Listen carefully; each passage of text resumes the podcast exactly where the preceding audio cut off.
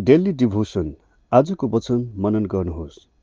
यसय उन्चालिस अध्याय चौधदेखि सोह्र। तर सियोनले भन्यो परम प्रभुले मलाई त्याग्नु भएको छ। मेरा परम प्रभुले मलाई बिर्सनु भएको छ। के कुनै आमाले आफ्नो दुधे बालकलाई बिर्सन सक्छ र? आफूले जन्माएको बालकलाई के त्यसले टिठ्याउँदैन र? त्यसले बिर्सनु पनि सक्छ तर म तँलाई बिर्सन सक्दिनँ। हेर मैले तँलाई मेरो हात हत्केलामा खोपेको छु। तेरा पर्खालहरू निरन्तर मेरो सामुने छन्।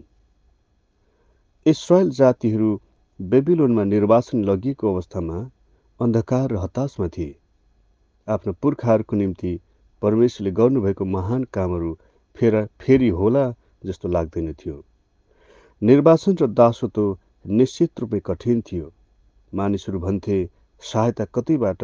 आउला भन्ने आशा गर्नु व्यर्थ चाहिँ थियो। सिउनले अर्थात् इसरालीहरूले आफू सदाका लागि त्यागिएका र बिर्सिएका अनुभव गर्दै थिए। परमेश्वर सर्वज्ञानी हुनुहुन्छ उहाँ मानिसहरूका सबै कुरा देख्नुहुन्छ सुन्नुहुन्छ र महसुस गर्नुहुन्छ। इसरायलीहरूको रुवाई उहाँले सुनिरहनु भएको कुरा आफ्नो दास अगम वक्त मार्फत प्रकट गर्नुहुन्छ। इसरायलीहरूले ती बिर्सिएको र त्यागेको अनुभव र आशंकालाई परमेश्वर यसले यसरी जवाब दिनुहुन्छ। के कुनै आमाले आफ्नो दुधे बालकलाई बिर्सन सक्छ र?